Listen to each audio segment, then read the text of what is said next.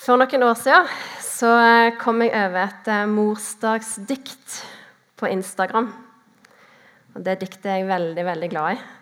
Jeg pleier å ta det fram noen ganger, selv om det ikke er morsdag eh, hver dag. Eh, et lite og kort dikt, men det er sånn. Far leser avisen sier verden revner. Mor syr. Far leser avisen, sier verden revner. Mor syr. Hjemme hos oss er det ingen som er så vant med at mor syr. Jeg blir helt svett bare jeg skal ta i en nål. Av og til så er det en knapp som må syes igjen, og da kjenner jeg at det, svetten kommer. Men jeg tror at jeg syr ganske masse annet. For er det ikke sånn det er å være mor? At det er til oss de kommer? Ungene når de eh, griner og krangler og lurer på hva den kokesjokoladen i kjøleskapet skal brukes til. Far som eh, leiter Naboungene som spør om de kan få overnatte. Mailene om eh, kakebaking fra FAU. Spørsmål om henting og bringing til forskjellige bursdagsselskap osv. osv.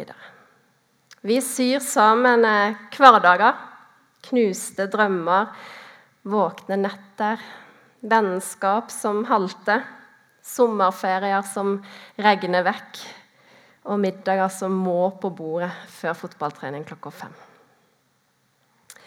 Når jeg leser dette diktet, så må jeg smile litt og le litt og kjenne på at ja, akkurat sånn er det.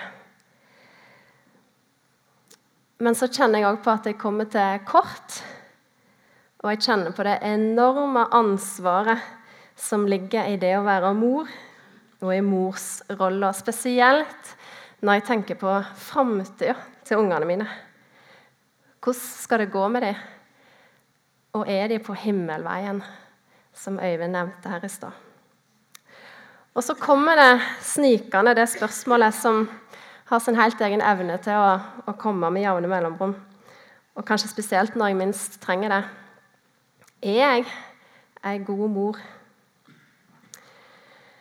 Det er morsdag i dag, og talen skal handle om nettopp det. Det har dere sett på programmet, kanskje. Eh, men ikke fortvil, du som er far. Jeg tror det kan bli aktuelt for deg òg. Og så er det mange som ikke er blitt mor ennå, og så er det mange som ikke ble mor og ikke ble far. Men jeg tror og håper likevel at talen kan gi deg noe å tenke på noe som vi kan minne hverandre på. Og alle har vi en far i himmelen. Vår helt egen far.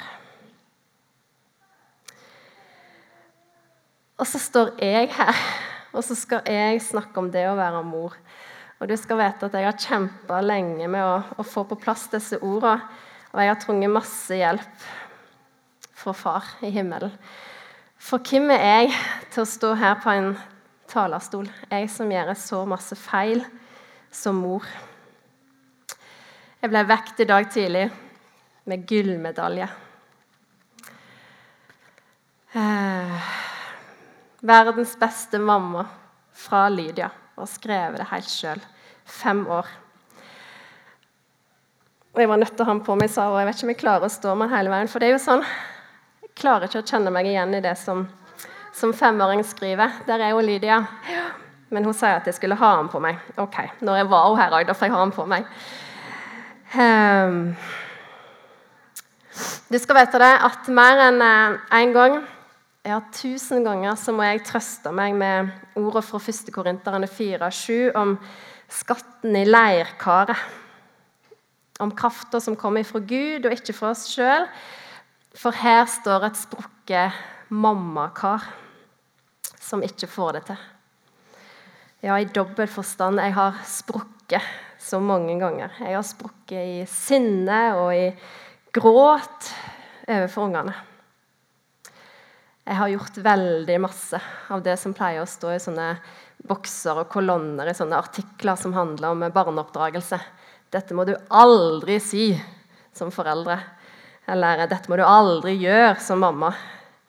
Det har jeg gjort. Vær sikker. Men her står jeg, ehm, og jeg får det ikke alltid til sånn som jeg gjerne vil. Men kanskje har du det òg sånn. Kanskje kjenner du òg på som mor eller far eller som en voksen og ansvarlig for noen rundt deg at det er vanskelig, og at du trenger hjelp.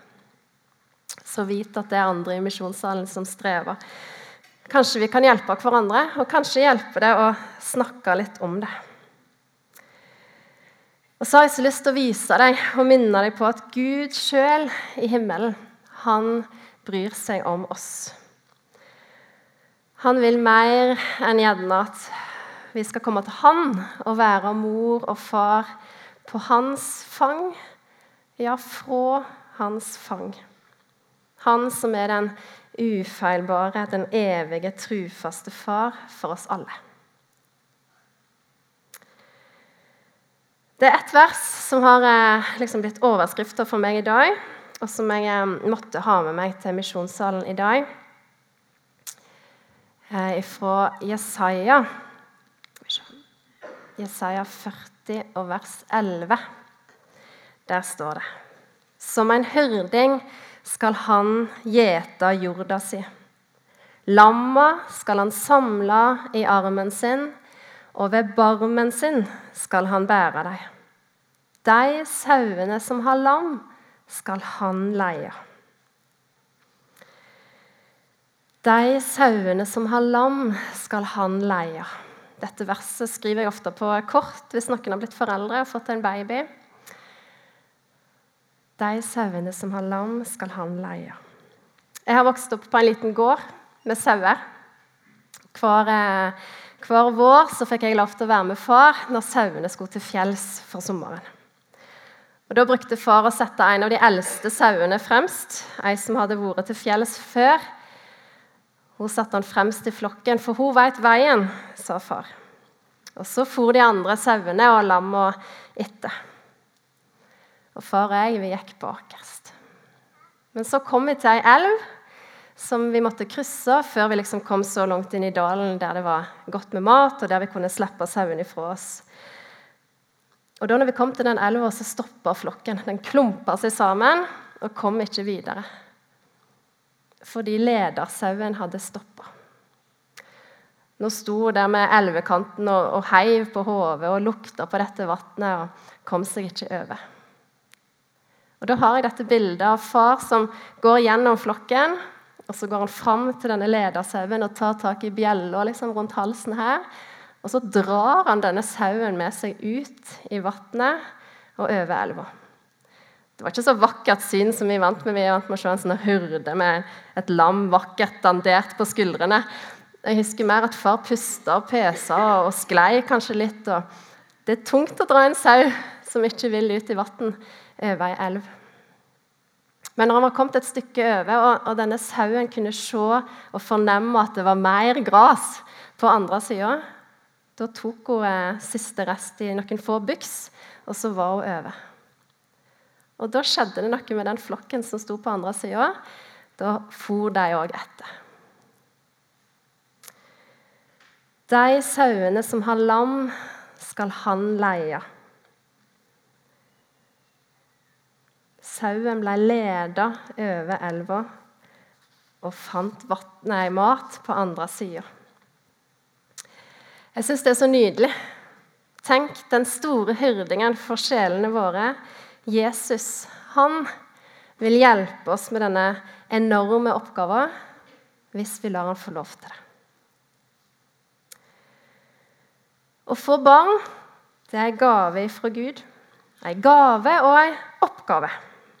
Vi skal lære å vise ungene hvem de er, og hvem de er skapt til å være. Og ikke at de bare er barn av sine foreldre, men barn av himmelens og jorda sin skaper. De er Guds barn, Og det er vår oppgave å lære dem og fortelle dem akkurat det. Sånn at de aldri, aldri glemmer det, og at de alltid ønsker å kalle seg Guds barn. På programmet i dag så sto det noen eh, bibelvers, og vi skal lese dem i lag nå fra Ordspråkene 6, vers 20 23. Sønnen min, hold fast på båa åt far din, og gå ikke vekk ifra det som mor di har lært deg. Bind deg alltid til ditt hjerte, knyt deg om halsen din. Når du går, skal de leie deg. Når du ligger, skal de verne deg. Og når du våkner, skal de tale til deg. For bået er ei lykt, og læra eit ljos. Sønnen min er lærer, barnet mitt, kan vi si. Hold fast på buda fra far din, og gå ikke fra det som mor di har lært deg. Gå ikke fra det som mor di har lært deg. På samme måte som med diktet som jeg leste til å begynne med, så kan jeg, kjenne, kan jeg kjenne dette òg ganske overveldende. Gå ikke vekk fra det som mor di har lært deg. Har jeg fått lært ungene mine noe om eh, Jesus? Ja, vi leser i barnebibelen hjemme, vi leser andaktsbøker med middagsbordet. Men vitner jeg for ungene mine om hvem Jesus er, og hva han har gjort for meg? Disse versene handler om Bibelen og Guds ord som er rettesnor for livet.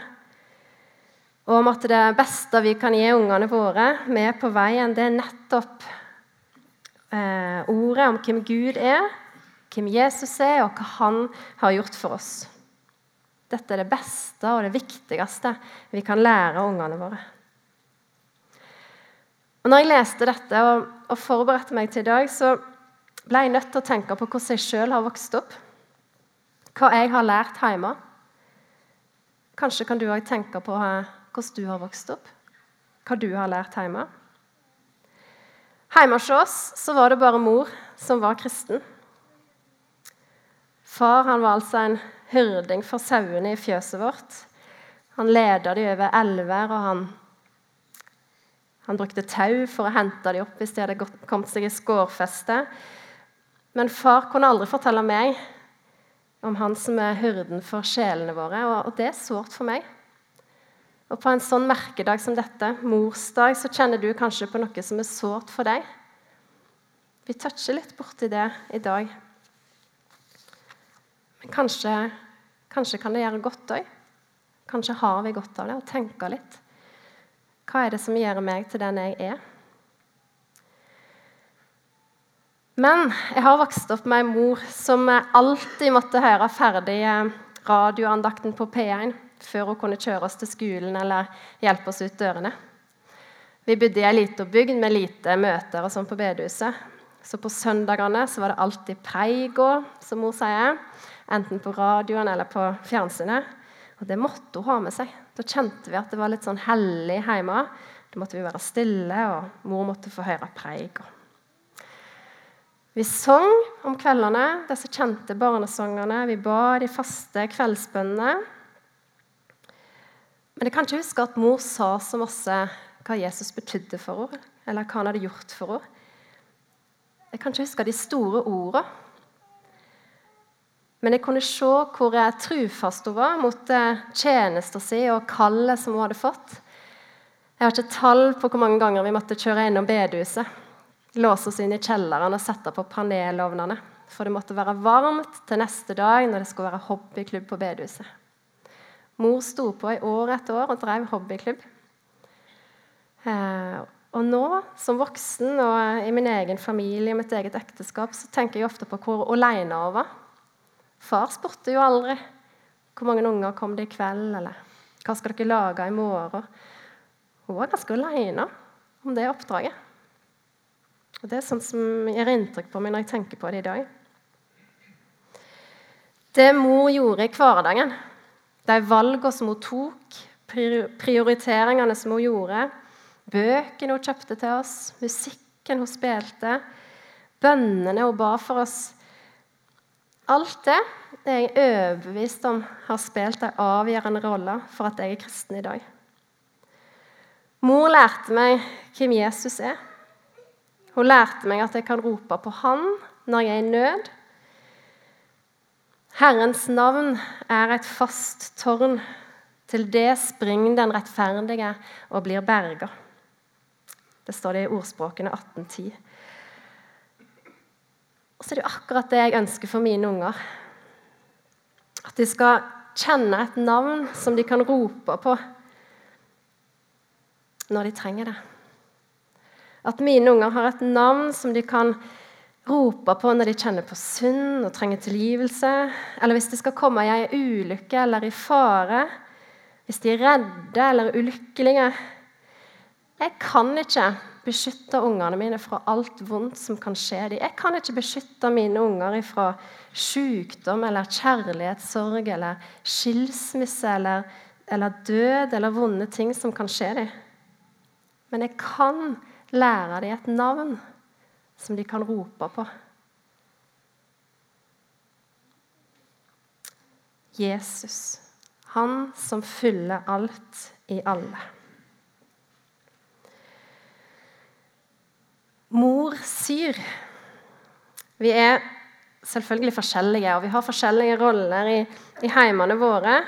Vi kan ikke greie alle under samme kam, men det er ikke til å komme vekk ifra at ofte så er det noe spesielt med mor.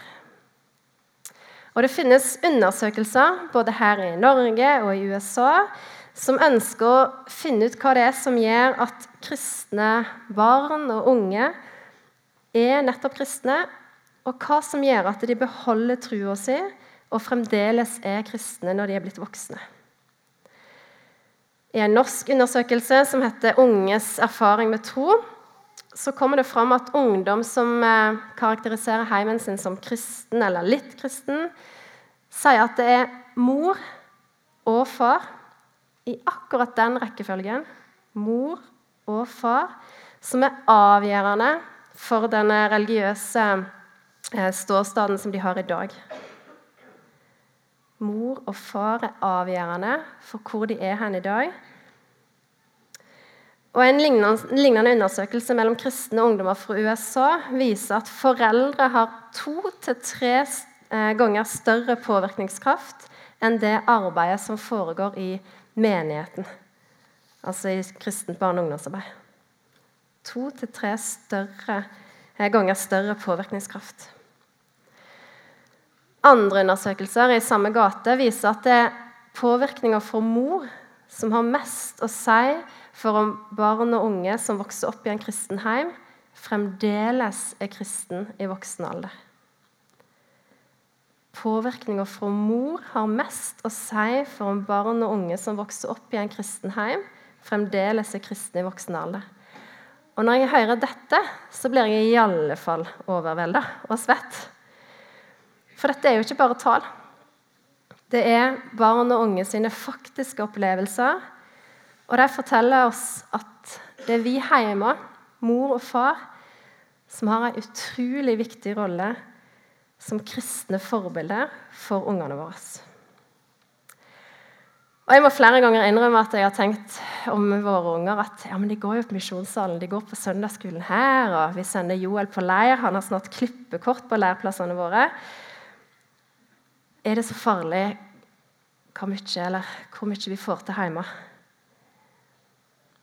Men det som jeg har sett nå, det som vi har hørt og jeg har lest nå, det minner meg på at nei, jeg skal ikke undervurdere rolla mi som mor og som forbilde, som veiviser til Jesus for ungene mine, for de leser livet mitt. På akkurat samme måte som jo jeg leste livet til min mor. Så hvordan kan vi være sånne veivisere? Hvordan kan vi være sånne forbilder for ungene våre? Hvordan kan jeg peke på Jesus med livet mitt? Vi skal se litt på det. Vi leste i stad disse versene som står her. Sønnen min, hold fast på båa åt far din, og gå ikke fra det som mor di har lært deg. Båda, det er jo loven og de ti bud. Eh, disse versene mener jeg fra Gamle testamentet. Det var det de jødiske ungene skulle lære. Men òg i dag så vil vi jo at ungene våre skal bli kjent i Bibelen og bli kjent med Guds gode regler for deg og for oss.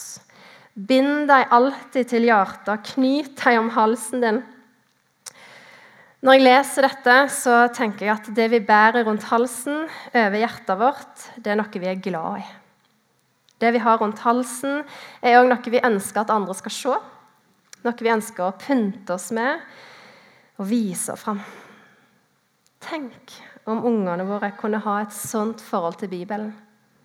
At de ikke skammer seg over den, at de ikke er flaue, men at de med frimodighet ønsker å pynte seg med Bibelen. Når du går, skal de leie deg. Når du ligger, skal de verne deg. Og når du våkner, skal de tale til deg. Guds ord, Bibelen, har kraft til å gi råd, veilede ungene våre og hjelpe dem fram i livet når vi kanskje ikke lenger kan hjelpe dem.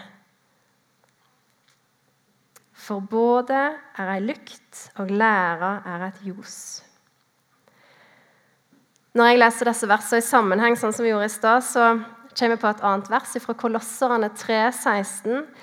Lat Kristi ord bu rikelig mellom dykk, så det lærer og formaner hverandre i all visdom med salmer og lovsanger og åndelige viser, og syng for Gud med takksemd i hjarta dykkar. Lat Kristi ord bu rikelig mellom dykk. Dette verset det skildrer hvordan de første kristne hadde det, hvordan de levde i de første kristne menighetene. Men hva med å prøve det ut hjemme? rundt kjøkkenbordet eller i sofakroken. La Kristi ord bo rikelig mellom dere. Vi må lære ungene våre å bli glad i Bibelen og bruke den. Vi må hjelpe dem til å se at Bibelen er en bok som funker, som kan gi dem mat for sjela si. Og jeg tenker at Den beste måten å lære ungene våre å bli glad i Bibelen på, det er å være glad i den sjøl og å bruke den sjøl. Hjemme hos oss så er skjermtid et begrep som ofte blir diskutert. Så kraftig at vi har innført eh, skjermfrie vekedager. Så hos oss så er det bare lov å ta fram iPaden eh, når det har blitt fredag ettermiddag. Det er veldig bra. Ehm, det gjør at vi får noen regelryttere hjemme som òg passer på min skjermbruk. Og det trenger jeg. Jeg trenger å bruke mindre tid på mobilen min. Men det betyr at det å ta opp mobilen for å lese i Bibelen og si til ungene at ja, men jeg leser i Bibelen, det er bare til irritasjon. Så da må jeg ikke gjøre det. Da må jeg heller ta opp den gode, gamle boka, og så må jeg lese i den. For jeg vil jo ikke forbinde irritasjon med det å lese i Bibelen. At noen er sjalu på at jeg får lov å sitte med skjerm bare fordi jeg leser i Bibelen. Det å lese i Bibelen skal være knytta til gode opplevelser og følelser.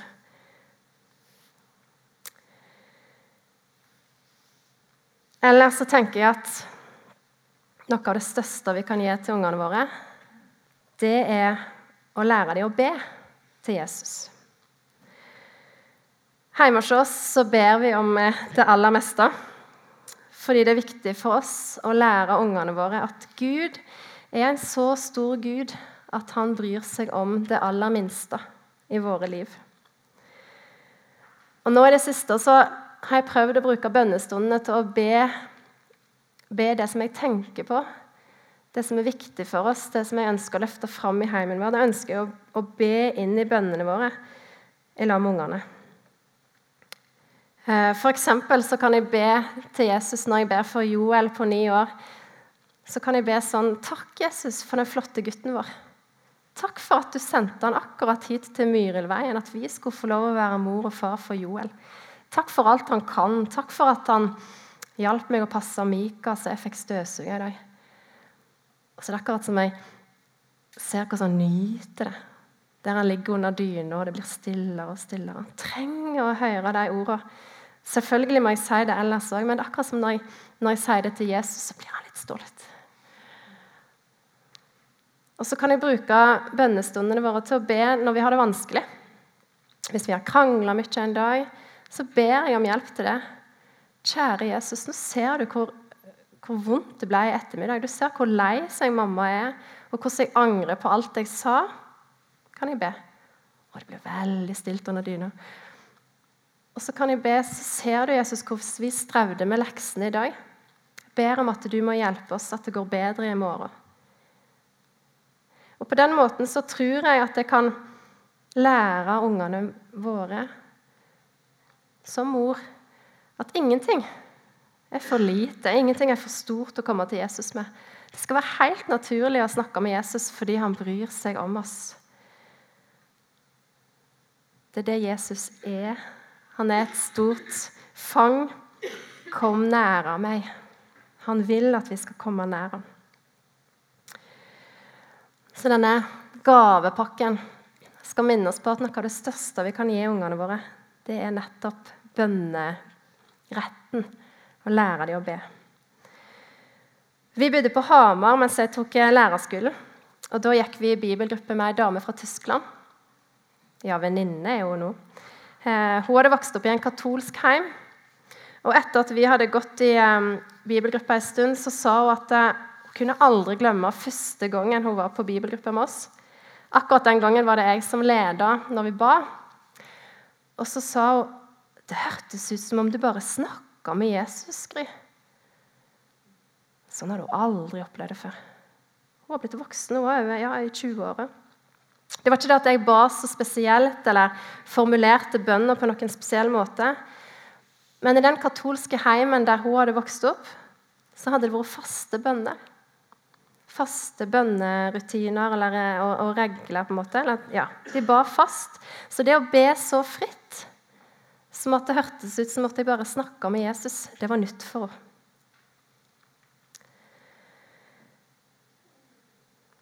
For meg så handler det å be om å få lov til å legge alt jeg tenker på, alt jeg bekymrer meg for, alt jeg gruer meg for, skammer meg over, det får jeg lov å legge på Jesus. Og det er dette jeg ønsker så sterkt at ungene mine skal få oppdage og oppleve. For å bli i diktet som jeg starta med, og verset fra Jesaja 40,11, som jeg er så glad i, om sauene med lam som blir leda. Jeg trenger å bli leda. Jeg trenger å bli båren av den gode hyrdingen Jesus. For jeg blir ofte så sliten av å sy. Og så syr jeg så ofte feil. Og så prøver jeg å ta opp igjen stinga, men så har det blitt så skrukkete. Og så er det merker etter svette fingre. Og så klarer jeg ikke alltid å gjøre det godt igjen, det som gikk gale. Og så er det så utrolig vanskelig, for det er jo små mennesker det handler om dette her. Ungene mine blir såra pga. feil jeg gjør. De blir lei seg, de blir kanskje skremt. Så er jeg så redd for å sette merker i såre barnet sin. Jeg trenger virkelig hjelp til å være mor, og jeg trenger masse nåde. Men så tror jeg òg at ungene våre de er ikke så ulike oss. De òg trenger å bli bårne og kjenne seg elska. De trenger å bli båret. Astrid Lindgren har sagt 'gi barna kjærlighet'. Mer kjærlighet og enda mer kjærlighet. Så kommer manerene, av seg selv. Gi barna kjærlighet. Det beste er ei mor, en far, ei bestemor, en nabo, Ei åndelig mor her i misjonssalen, en åndelig far her i misjonssalen kan gi et barn, det er kjærlighet. Og Bibelen vår den forteller oss at Gud er kjærlighet. Denne kjærligheten ønsker vi at ungene skal få leve i.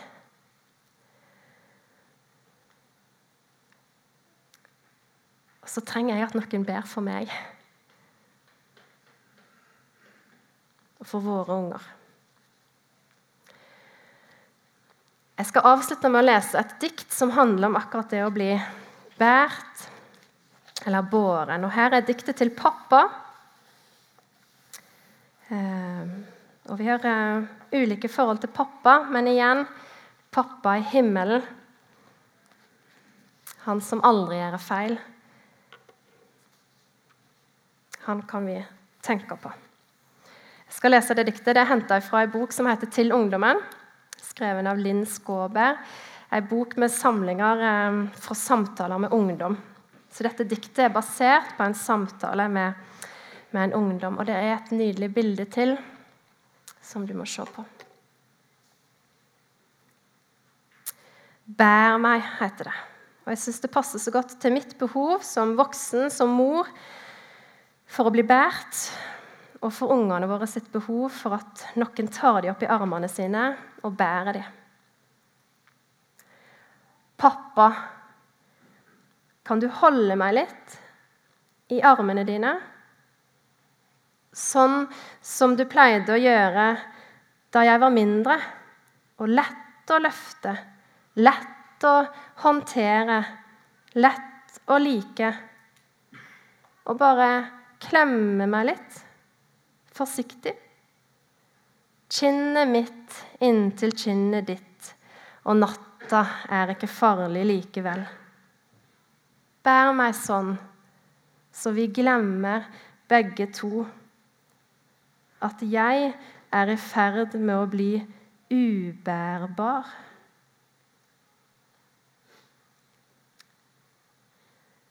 Kjære Jesus, takk for at du bærer.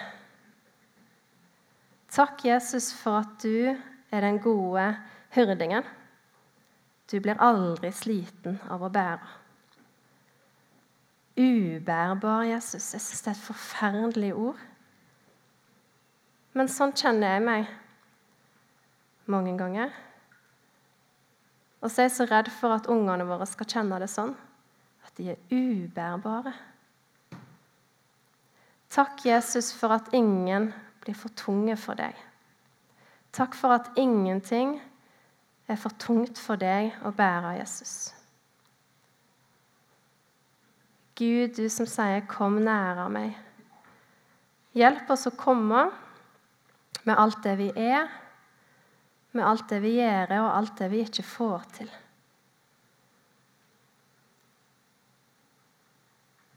Og så vet du om alt det som vi bærer på.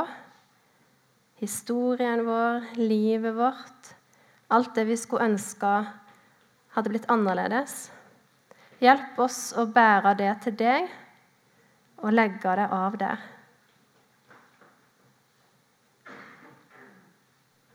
Og så har jeg lyst til å be deg for misjonssalen, Jesus. Jeg ber om at dette må bli en plass der vi ja, bærer hverandre Bærer hverandre fram til deg, Jesus. At vi kan legge hverandre framfor deg. Hjelp oss å leve hele liv og sanne liv og våge å vise hvem vi er for hverandre, sånn at vi kan være til hjelp for hverandre.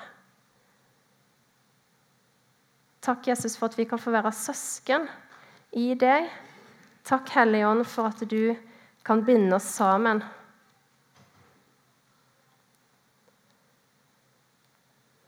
Hellige Ånd, jeg trenger å be til deg nå. Jeg ber om at ordet her At det må bli til noe. Jesus, la bibelverset sitte igjen. La det bli til mat for oss. Gi oss et ønske, en nød, eh, om å få lede ungene våre på en sånn måte at de aldri, aldri går vekk fra deg, og at de alltid er på himmelveien, og at de blir bevart, og at vi kan få være sammen hjemme i himmelen en dag når dagen her er slutt. Må det være vårt største ønske og vår største nød at ungene våre skal bli bevart og få komme hjem til deg. Amen.